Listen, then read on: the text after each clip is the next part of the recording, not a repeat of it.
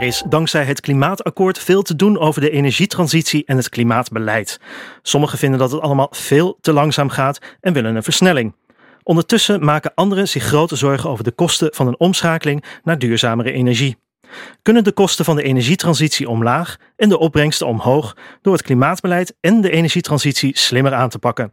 Je hoort er meer over in deze aflevering van TNO Insights.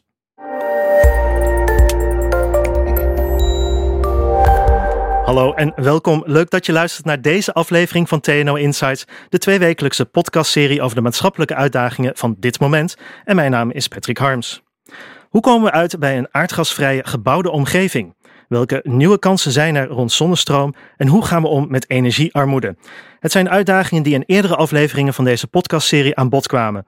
Lijken deze afleveringen jou ook interessant toe? Zoek dan naar TNO en Insights in jouw favoriete podcast-app, zoals die van Spotify, Apple Podcasts, iTunes, SoundCloud en de app van podcastluisteren.nl.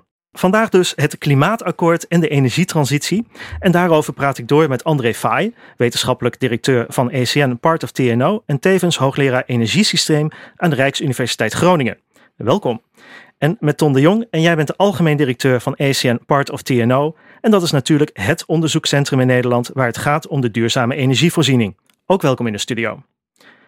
Ton, André, uh, naar aanleiding van het klimaatakkoord en de energietransitie hebben jullie een whitepaper geschreven met uh, de best wel provocerende titel Energie wordt goedkoper. Innovatie maakt de energietransitie rendabel.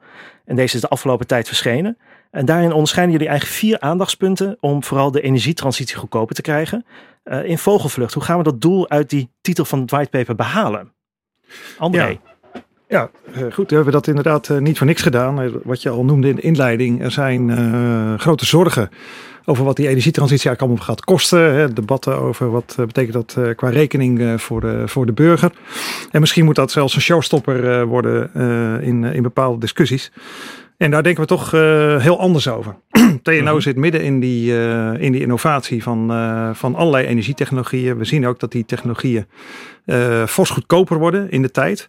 En innovatie is daar cruciaal van. Dat is gelijk een van de majeure punten. Ja. We zien ook dat die veranderende energievoorziening een kans is voor de Nederlandse economie in plaats van een bedreiging. we zijn sterk afhankelijk van fossiele brandstof. Nederland gaat stoppen uh, in de tijd met het uh, produceren van aardgas. We zijn dit jaar uh-huh. netto een importeur van aardgas uh, geworden. En dat betekent dat we daarmee ook kwetsbaarder worden voor stijgende fossiele energieprijzen in de toekomst. Dus de energietransitie, zeggen jullie, groeimotor van de Nederlandse economie? Exact. Dus dat is, dat is een groot punt. En we zien ook dat als we die energietransitie slim aanpakken, dus op een goede manier technieken combineren, het goed plannen, het goed afstemmen, onder andere met het buitenland, dat heel veel kosten kunnen worden bespaard. En het vierde punt is dat we uh, ook andere voordelen zien van die energietransitie, bijvoorbeeld op milieugebied. Uh -huh. Als we die uh, energievoorziening duurzamer maken, zullen ook allerlei andere emissies, uh, stof, NOx en dergelijke, waar we ook aparte doelstellingen hebben, ook veel kosten moeten maken om die doelstellingen te halen. Die worden eigenlijk voor een groot deel ook mede gehaald door die energietransitie. Oké, okay. dus um, de energietransitie als uh, bijdrage aan een gezonder en veiliger Nederland uh, is jullie laatste punt. Exact. Ik stel voor dat uh, we die vier punten gewoon stap voor stap doorgaan.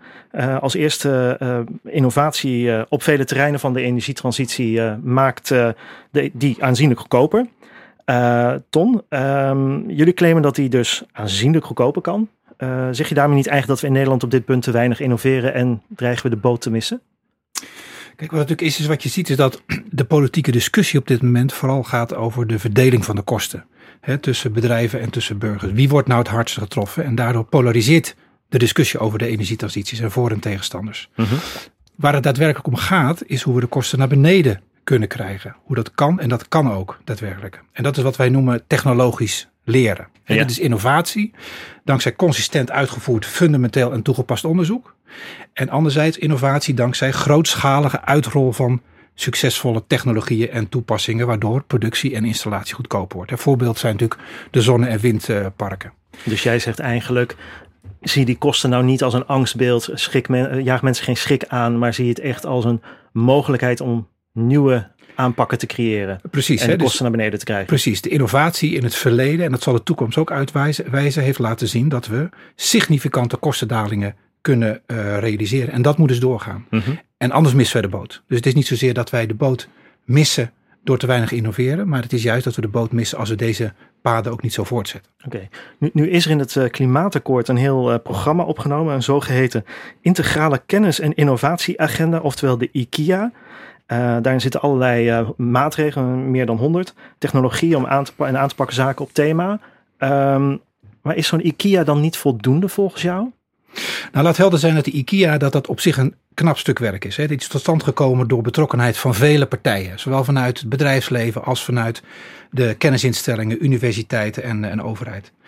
De maatregelen en technologische oplossingen die zijn bedacht, die zijn ook zonder meer vereist zoals die erin staat. Waar het om gaat is dat de integratie en de samenhang tussen die maatregelen en de oplossingen zoals ze zijn voorgesteld in de IKEA nog veel beter kan en ook veel beter moet. En, en hoe gaat dat dan? Hoe, hoe, gaan we dat verbeteren? Nou, dat betekent dat er ook vanuit veel meer vanuit de systeemkant gekeken moet worden. Waar, waar zien wij dat, dat, we, dat we wind en zon kunnen koppelen, elektriciteit die ontstaat? Hoe zorgen we dat die in het grid, in het grid terechtkomt? Uh En hoe zorgen we op die manier ook dat de effectiviteit verhoogd is? En dat er ook veel meer aandacht is voor de financiering van langlopende innovatietrajecten. Dat is ook de zorg die wij hebben, want innovatie heeft ook vaak een lange adem. En, en op welke uh, terreinen liggen dan uh, de innovatiekansen uh, die we als Nederland kunnen grijpen? Nou, denk bijvoorbeeld aan de nieuwe generatie duurzame biobrandstoffen, hè, die op de middellange termijn kunnen concurreren met, met de olieprijzen. denk aan elektrolyse voor waterstofproductie in combinatie met goedkope groene stroom, die kan concurreren met waterstofproductie uit aardgas. Of denk aan elektrische warmtepompen voor het verwarmen van, van huizen. Of nieuwe elektrochemische processen in industrie die inherent efficiënter zijn en daardoor ook goedkoper kunnen mhm. eh, worden dan de huidige generatie fabrieken. Allemaal voorbeelden waarin je ziet dat door langdurige innovatie ook daadwerkelijk kostenreductie en betere baten kunnen worden gerealiseerd. En, en dat zijn dus innovaties die er nu al zijn, zijn geweest. Hè. Zon- en, en windenergie is nu al eigenlijk goedkoper dan kolen geworden. Um, maar waar moeten we dan in de komende jaren op innoveren? Uh, voorbeelden daarvan ook zijn uh, geothermie. Uh, zouden we kunnen, kunnen we, voor de warmtevoorziening is een heel belangrijke ding. Productie van zeewier is daar een mogelijkheid. om daar ook voor duurzame biomassa verder aan vorm te geven. Kun je wat meer vertellen over wat, wat zeewier voor kansen zijn? André? Ja, oh, dat is een interessante waar uh, nou ook een hele bijzondere positie heeft opgebouwd de afgelopen jaren. Het is een beetje een, een surprise optie geworden onder de biomassa opties. Hè. Van mhm. biomassa van land uh, discussie over. Hè, wat daar concurreert met ander landgebruik. En zeewier heeft wel degelijk een perspectief om ook in de tijd concurrerend biomassa te leveren voor bijvoorbeeld groen gasproductie, maar ook allerlei hoogwaardige chemicaliën. Nou, daar wordt bij SCNTNO dan ook uh, volop aan gewerkt, ook om die raffinage te optimaliseren. Maar het is ook een verhaal straks van opschaling en goed mm -hmm. inplannen in die Noordzee. Hè. Waar doe je dat? Ja. En bijvoorbeeld in combinatie met, met de positionering van die windparken, waar je toch al allerlei logistieke bewegingen hebt. Nou, dat zijn, dat zijn systeeminnovaties die in de loop der tijd zo'n systeem goedkoper kunnen maken. Maar dat zou mogelijk een, een heel significante bijdrage kunnen leveren weer aan onze toekomstige energie- en materiaalvoorziening op duurzame basis. En, en die koppeling van zeewierproductie aan bijvoorbeeld wind en zon op zee ehm, is een voorbeeld van wat jullie noemen een, een goede planning en coördinatie samen met goede analyses om de energietransitie ook weer een stap verder te helpen. Absoluut. Dat is een van de hoofdpunten die we, die we maken en waar we echt ook van zeggen, daar kan nog een uh, wereld worden gewonnen. Het is absoluut een grote stap vooruit dat uh, Nederland een, uh, een klimaatakkoord bijna klaar heeft, laten we het maar even mm -hmm. zo noemen. Okay. En ja. mogelijk ook bijna een klimaatwet heeft.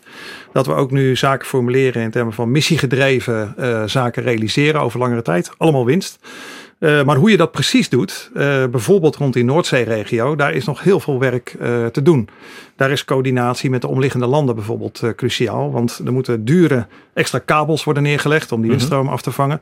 Mogelijk in de tijd gaan we daar ook waterstofproductie toepassen om de oude gasleidingen weer te gebruiken. Om zo met groene stroom geproduceerde waterstof aan land te krijgen. Nou, dat moet je coördineren ja. met de omliggende landen. Ook het ontwikkelen van CO2 afvang en opslag is iets waar de Noordzee een sleutelrol in speelt. En het aanleggen van infrastructuur, wat heel veel geld kost, dat moet je dus goed coördineren. En daar kun je dus ook heel veel geld mee besparen. zijn dat de meest relevante issues die op dit moment op dat punt spelen? Of zijn er nog een aantal andere van, oh, nee, nou... er, zijn er, veel meer, er zijn er veel meer. een hele grote voor Nederland is ook het verduurzamen van de industrie. Het decarboniseren van de industrie. Dat is ongeveer mhm. de helft van ons totale energiegebruik. En je ziet ook dat dat, dat, dat kan. We hebben die inzichten. Uh, mits je heel veel opties met elkaar combineert. En je moet dat ook heel goed plannen.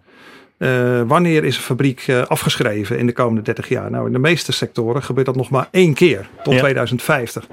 Nou, dat moet dus goed matchen met het beschikbaar krijgen van nieuwe processen. Die weer efficiënter zijn. Die bijvoorbeeld op elektriciteit kunnen draaien in plaats van hoge temperatuur warmte. Die op waterstof uh, kunnen functioneren. Een, een biobased chemische sector in plaats van op basis van aardolie. Nou, dat vraagt allemaal van die procesontwikkeling, opschaling en dat technologisch leren. Wat Ton al heel duidelijk heeft genoemd. -hmm. dat zijn allemaal voorbeelden die nog door die trajecten heen moeten. Dus het is in die zin ook een kwestie van heel goed plannen.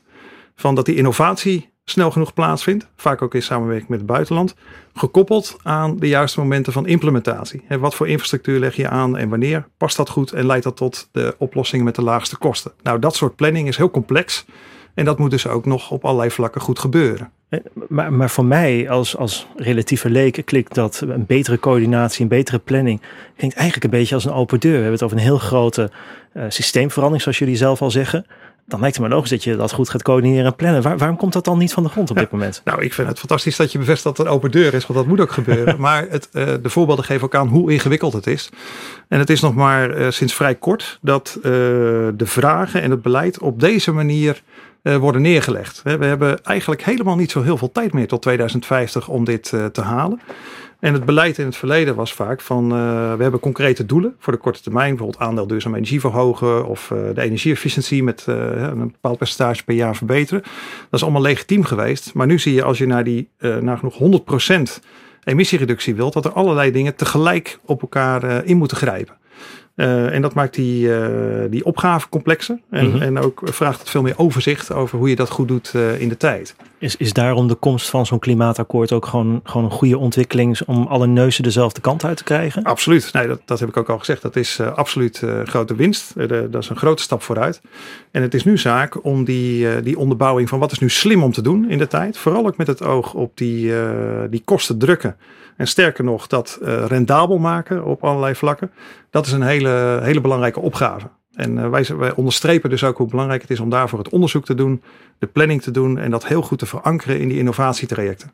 En, en wie staat daarvoor voor die innovatietrajecten als eerste aan de lat? Is dat de overheid? Is dat industrie? Tom? Ja, kijk, Weet je, dit werkveld is ook zo complex en zo verknoopt met elkaar. Dat je ziet dat alle partijen daar een belangrijke rol in hebben. Uh, dat is ook de reden waarom natuurlijk gewerkt is met tafels. Tegelijkertijd zie je dat we nu in een fase zijn dat het ook goed is dat de overheid op een aantal punten ook uh, de richtingen daarin zelf versterkt. Mm -hmm. Dus ik, zou, ik geloof niet dat je moet praten over de vraag van wie staat er nou vooraan.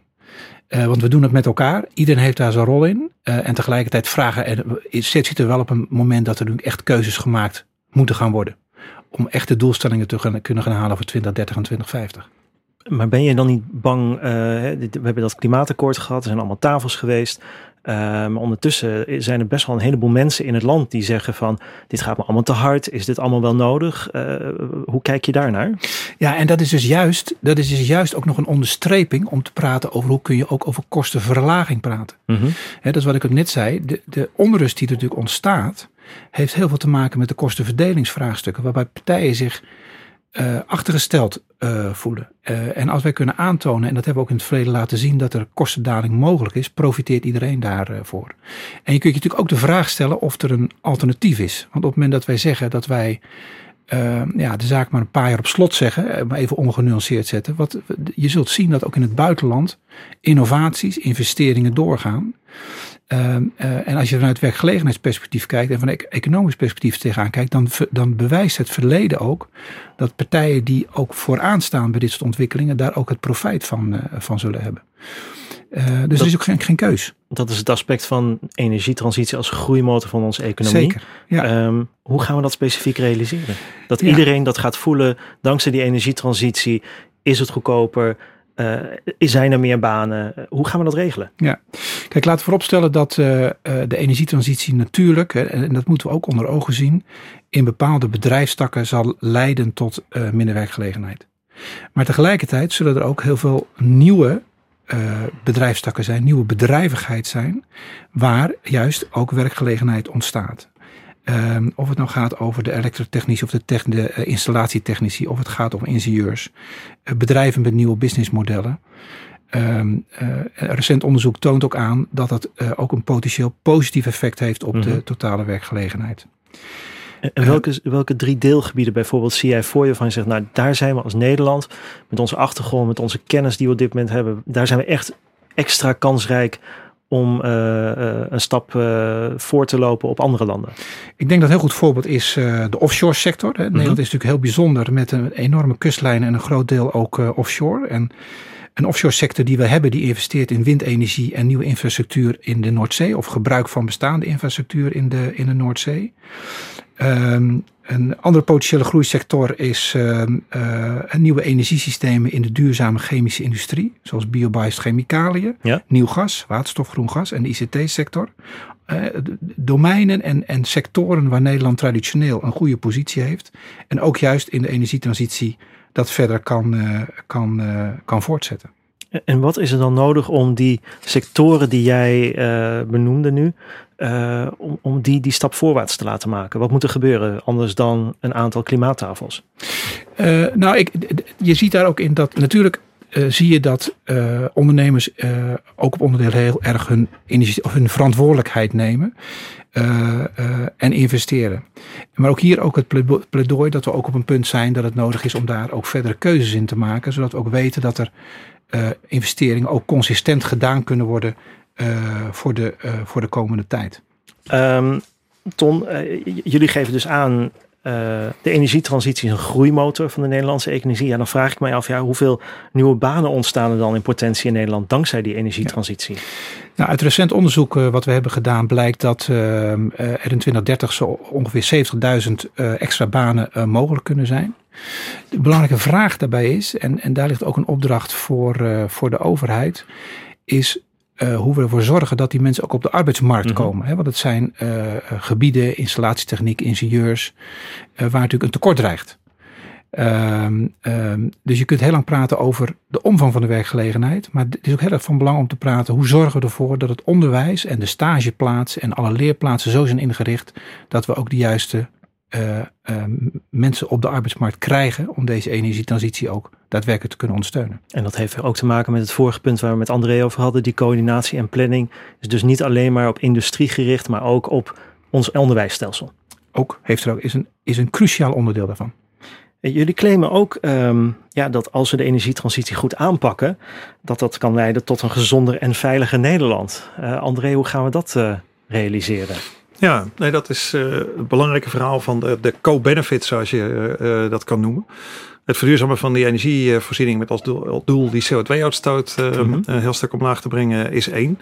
maar er gebeuren nog veel meer dingen als je dat, dat doet. We hebben in, in Nederland in het bijzonder, dus de, juist die Centraal-Europese zone, heeft een heel hoog niveau van luchtvervuiling. Mm -hmm. Dus inderdaad fijnstof, NOx, SO2 ook nog steeds en komt dat door onze ligging of juist door de soort industrie die we hebben in nou, het land? De, door alles tegelijk. Maar je, je, Nederland en uh, de Rijnmond, maar ook Vlaanderen, het Roergebied. Mm -hmm. Dat is echt het industriële hart van Europa. Um, en ondanks alle milieumaatregelen die uh, al, uh, al uh, over de decennia zijn genomen, is het niveau van luchtvervuiling nog steeds heel hoog. Ook veel verkeer, hè, dat is ook een, een grote factor.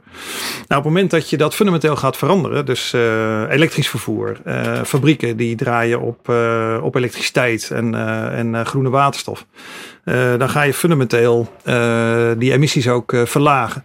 En terwijl we nu uh, vaak heel veel dure extra maatregelen nodig hebben. Denk aan de klassieke katalysator in de auto of mm. rookgasreiniging van een kolencentrale.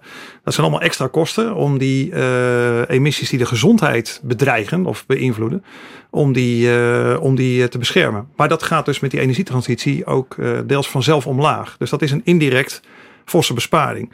Een ander groot punt is uh, dat we om die doelen te halen uh, in de industrie ook ons materiaalgebruik uh, moeten veranderen. Dus -hmm. meer circulair werken. Veel meer uh, materialen weer hergebruiken, ketens sluiten. Dat is een onderdeel van die nieuwe toekomstige industrie. Dat is ook logistiek een grote uitdaging. Heeft ook te maken met productontwerpen en dergelijke. Maar één belangrijk neveneffect, als je dat zo zou willen noemen, is dat we minder uh, primaire grondstoffen nodig hebben. Want we gaan steeds meer secundair materiaal hergebruiken. Nou, dat is op allerlei vlakken is dat cruciaal. Want we hebben ook met te maken met toenemende schaarste van allerlei uh, ruwe grondstoffen. Uh, die worden ook duurder. En daarmee verminder je ook dat probleem, bijvoorbeeld weer importafhankelijkheid. Heb je daarvoor nou echt zo'n klimaatakkoord of een energietransitie nodig? Nee, niet sec. Maar het punt is dat we wat we maken, is dat die energietransitie dat soort extra voordelen biedt. He, we hebben veel discussie over wat kost die energietransitie. Maar wat wij vooral onderstrepen is wat levert dat ook op. En dat is direct uh, in termen van we kunnen de kosten op veel vlakken zo ver verlagen uh, dat het duurzaam alternatief goedkoper kan worden mm -hmm. dan een op fossiel blijven leunen. Hè. Dat is dus echt een harde uitspraak. En dat zie je ook in allerlei scenario uh, berekeningen bevestigd dat dat kan lukken.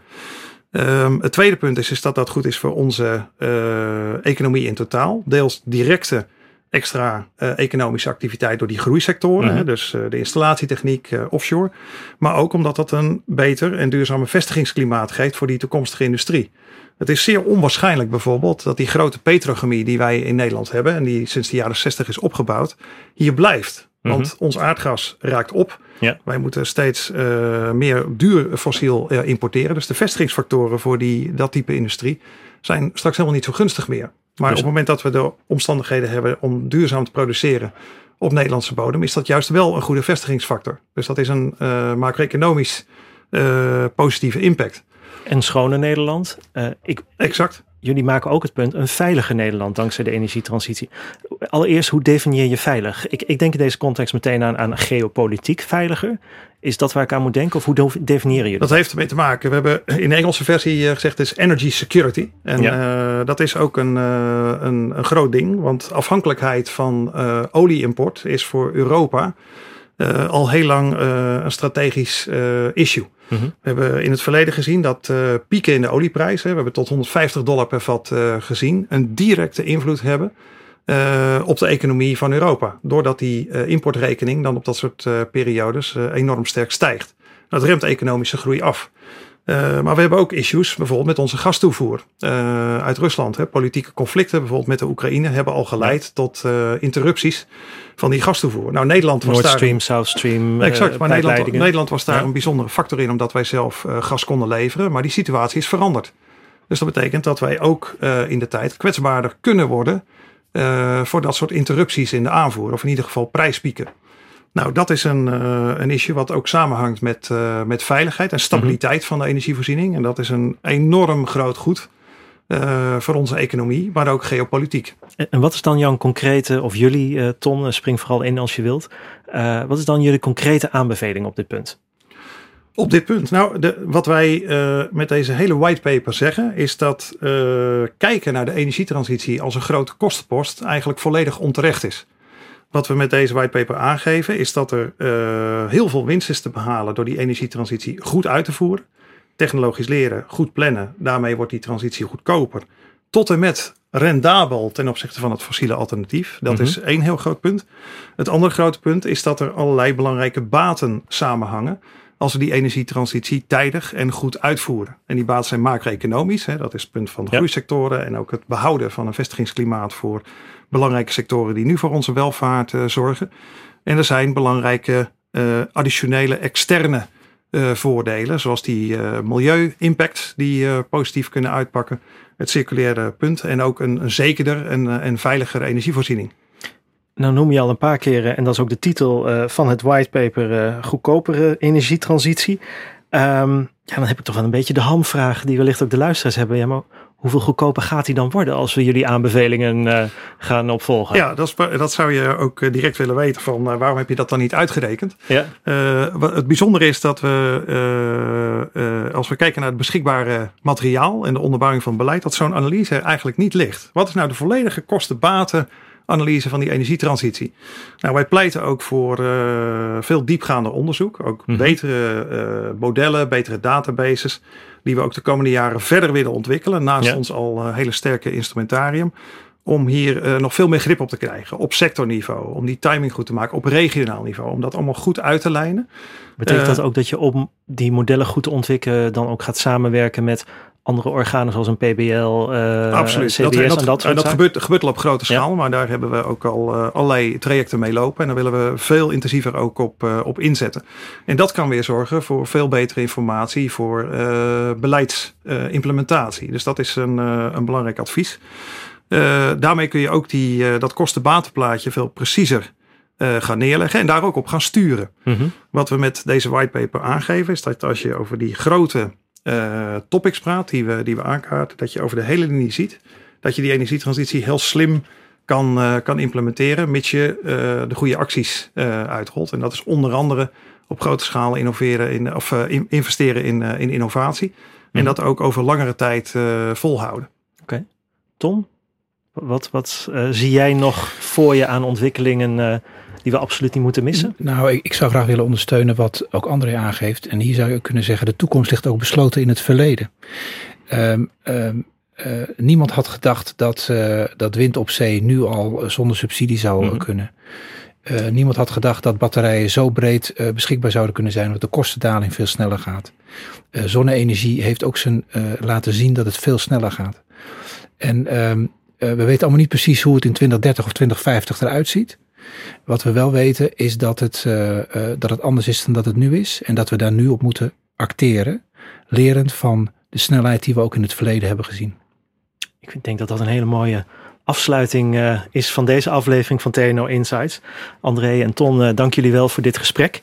En wil je als luisteraar nou meer weten en bijvoorbeeld het door André en enkele van zijn collega's geschreven whitepaper Energie wordt goedkoper, innovatie maakt de energietransitie rendabel nou eens rustig doorlezen? Ga dan naar tno.nl, klik in het menu op Insights en vervolgens op de afleveringspagina van deze podcast en daar kun je dan vervolgens het whitepaper downloaden.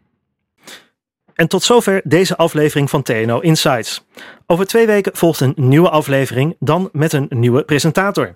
Na 13 afleveringen neemt Glenn van den Burg de presentatie over en in zijn eerste aflevering staat hij stil bij cybersecurity en multi-party computing.